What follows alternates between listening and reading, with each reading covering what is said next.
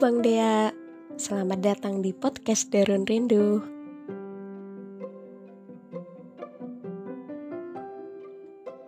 Loh, kok nggak ada suaranya?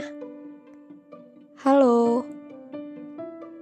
Um, maaf ya teman-teman, suara Bang Deanya nggak kedengaran soalnya emang aku lagi halu. Emang sih, emang emang aku segila itu akhir-akhir ini lagi ngebucin banget nih sama beliau. ya Allah ngebayangin wawancara Dea Anugrah. Is. Seru kali ya. Um, sebenarnya nggak akhir-akhir ini sih. Agak lama juga sebenarnya. Cuma minggu ini tuh hidupku dipenuhi sama nama Dea Anugrah. History HP sama laptop aku tuh isinya Dea Anugrah semua tahu nggak sih? Awal mulanya aku agak lupa ya nemuin tulisannya Bang Dea itu di mana. Cuma seingatku aku baca salah satu puisinya kalau nggak salah. Terus aku rasain loh kok ngena banget nih puisi kayak gitu. Jadilah kan aku ngepoin penulisnya. Jadi follow-lah aku gitu kan. Makin baca tulisannya, makin nagih tuh. Lalu aku merembet deh nyari-nyari info soal karya-karyanya. Semua podcast, semua videonya yang ada di YouTube udah aku habisin. Dan dasarnya aku ya kalau udah suka sama orang kan fokus satu tuh. semua tulisannya juga udah aku baca. Tinggal bukunya aja sih yang belum. Uh, kalau itu mah nunggu duit ya baru bisa bucin beli bukunya. Karena cinta emang butuh modal kan sometimes. Kalau beberapa episode lalu aku lagi ngebucin sama Aan Mansur nih. Kali ini bagiannya Bang Dea nih dan sebenarnya aku tuh tipe manusia yang rewel ya. Nggak semua buku bisa aku hatamin. Jadi intinya kalau aku udah nggak serk sama penulisannya, jadi nggak bisa tuh nerusin sampai habis. Dan baru aku sadari juga sih, kayaknya nggak dibacaan doang aku kayak gini. Contohnya nih, Meskipun aku suka ngedrakor ya, tapi cuma bisa dihitung jari loh drakor yang bisa aku hatamin.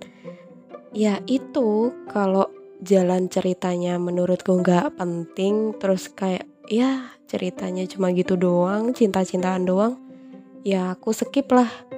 Meskipun itu lagi naik daun, dan kalau drakor tuh biasanya aku suka yang cerita tentang keluarga, parenting kayak gitu sih. Ya, namanya hati ya, pasti punya pilihan sendiri kan. Dan juga nggak bisa dipaksa asik. Tapi kalau udah nemuin satu nih yang cocok demi apa pun, aku bucinin tuh sampai akar-akarnya.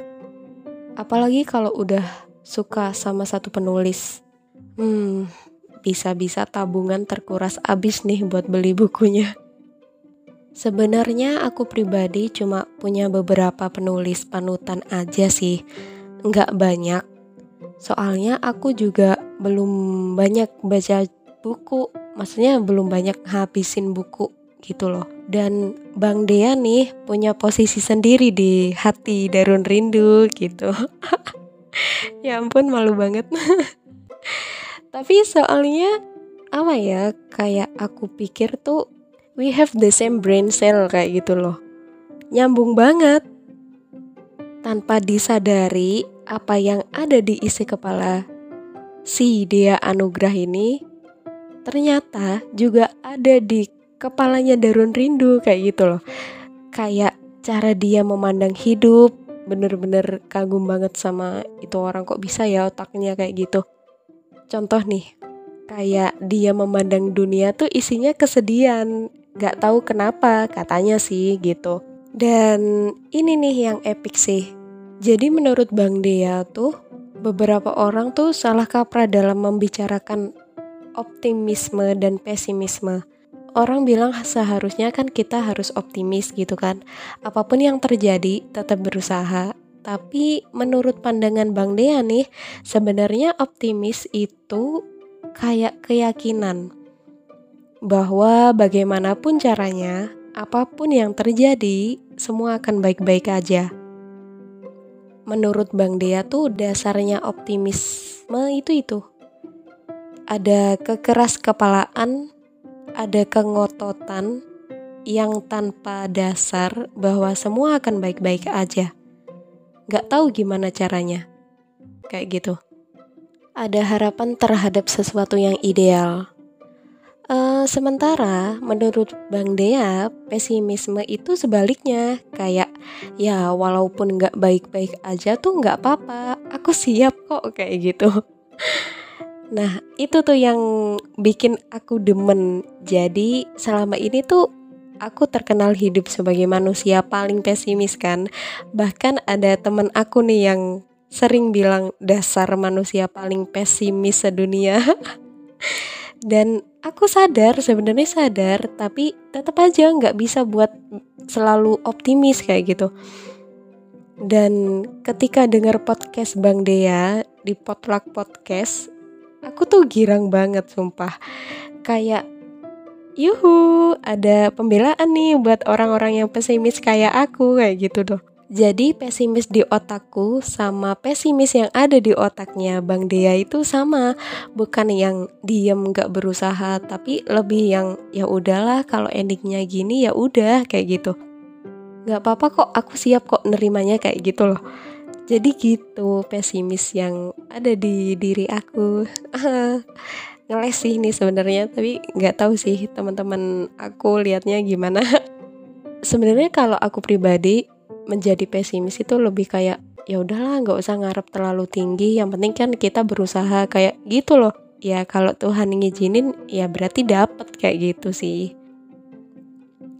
Terus ada lagi nih di episode lain ketika Bang Dia tuh cerita kalau awal mula dia minat nulis tuh gara-gara dia baca salah satu buku yang bikin terharu dan merubah hidup dia. Terus endingnya dia jadi mikir kalau mungkin gak ya sesuatu hari ada orang yang jauh di sana sekian tahun lebih dari aku tinggalnya ribuan kilometer dari aku baca sesuatu yang aku tulis dan merasa hidupnya berubah juga kayak gitu. Beliau ngomongnya kayak gitu sih. Dan aku pengen nyampein satu hal.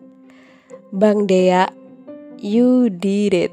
Itu yang terjadi ketika aku baca tulisanmu. Kalau kata Bang Dea, dia nulis karena mungkin semacam cara membayar hutang kali ya terhadap penulis-penulis yang bukunya dia sukai bilangnya sih gitu. Jadi Bang Dea nulis itu semacam kayak aku udah dapat ini dari penulis maka aku juga nulis buat orang lain. Kayak gitu loh. Intinya kayak gitu deh. Dan sekarang itu mungkin juga akan jadi prinsip aku sih dalam menulis.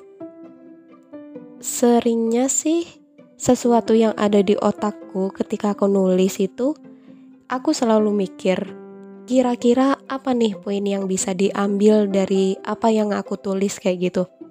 Soalnya aku juga nggak mau ketika orang-orang udah nyia-nyiakan waktu buat sekedar baca tulisanku, tapi mereka nggak dapat apa-apa gitu loh kalau misal kayak gitu lah mending lu baca Al-Quran aja ya kan daripada baca tulisan gua kayak gitu kan jadi pikirnya aku sih ketika aku nulis harus ada poin yang diambil kayak gitu loh. Intinya harus ada manfaatnya lah meskipun dikit kayak gitu. So sebenarnya aku termasuk manusia yang agak perfeksionis sih orangnya. Yang gak asal upload, yang gak asal nulis, yang ketika mau bikin konten mikir dulu lama, udah buat, endingnya kadang gak diupload kayak gitu sih.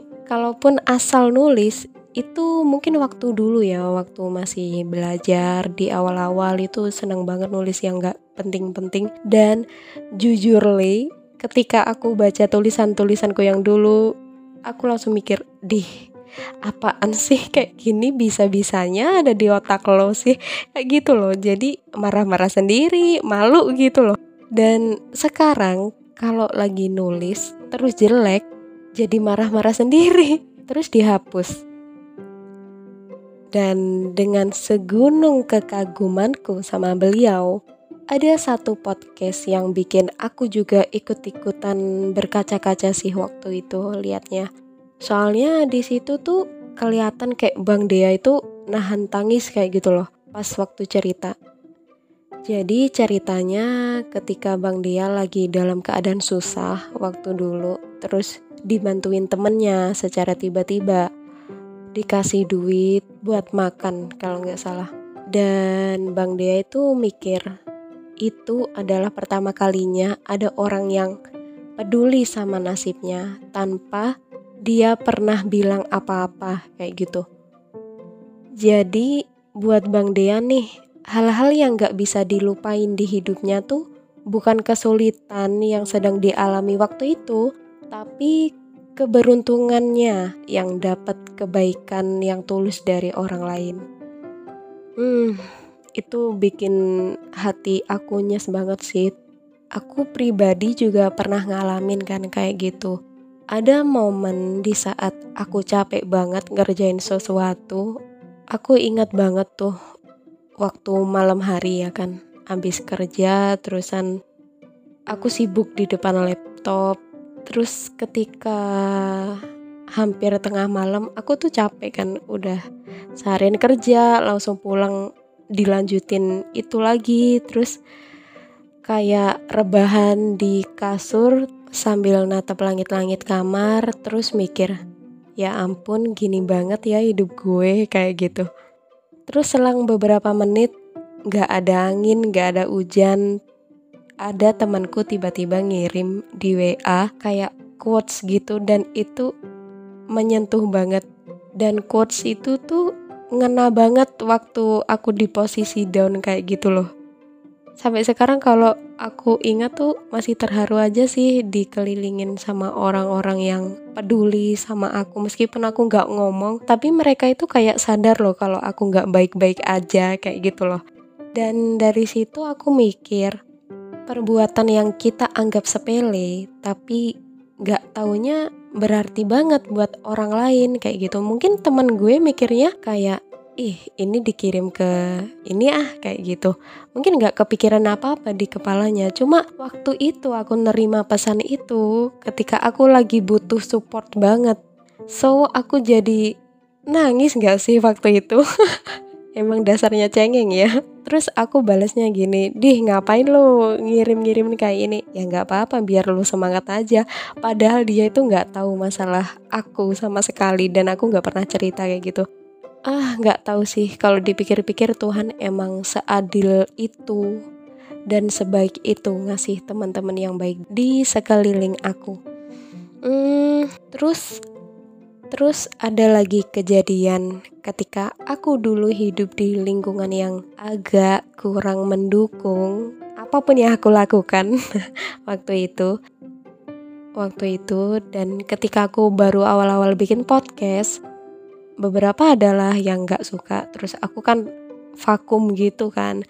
Terus ada temanku yang bilang kayak, eh suara lo tuh punya karakter lo kenapa nggak diterusin podcastnya kayak gitu?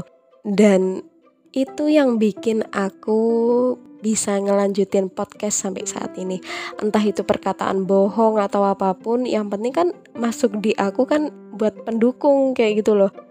Mungkin dia lupa pernah ngomong kayak gitu ke aku cuma sampai saat ini aku masih ingat loh dan itu buat jadi salah satu sumber energi positif kalau aku lagi bingung, kalau aku lagi down kayak gitu loh. Karena aku dulu emang suka mutung ya, ketika ada yang ngehujat langsung deh tuh kicep dan gak mau lanjutin. Tapi kalau ada yang ngedukung satu aja, aku bakal jalan terus meski ada yang ngehujat apa pun di depan sana asal aku masih punya beberapa orang yang selalu ngedukung aku di belakang. So, aku akan terus tetap maju, tak gentar. Kayak gitu sih. Kasarannya gini deh. Walaupun satu isi dunia ini benci aku, ketika aku punya satu atau dua orang yang di pihakku, aku masih tetap bisa bakal berdiri. Kayak gitu sih kasarannya. So, buat teman-teman yang punya teman baik, jangan lupa bersyukur. Dan kalau misalnya nggak ada nih teman yang baik, maka jadilah salah satunya kayak gitu.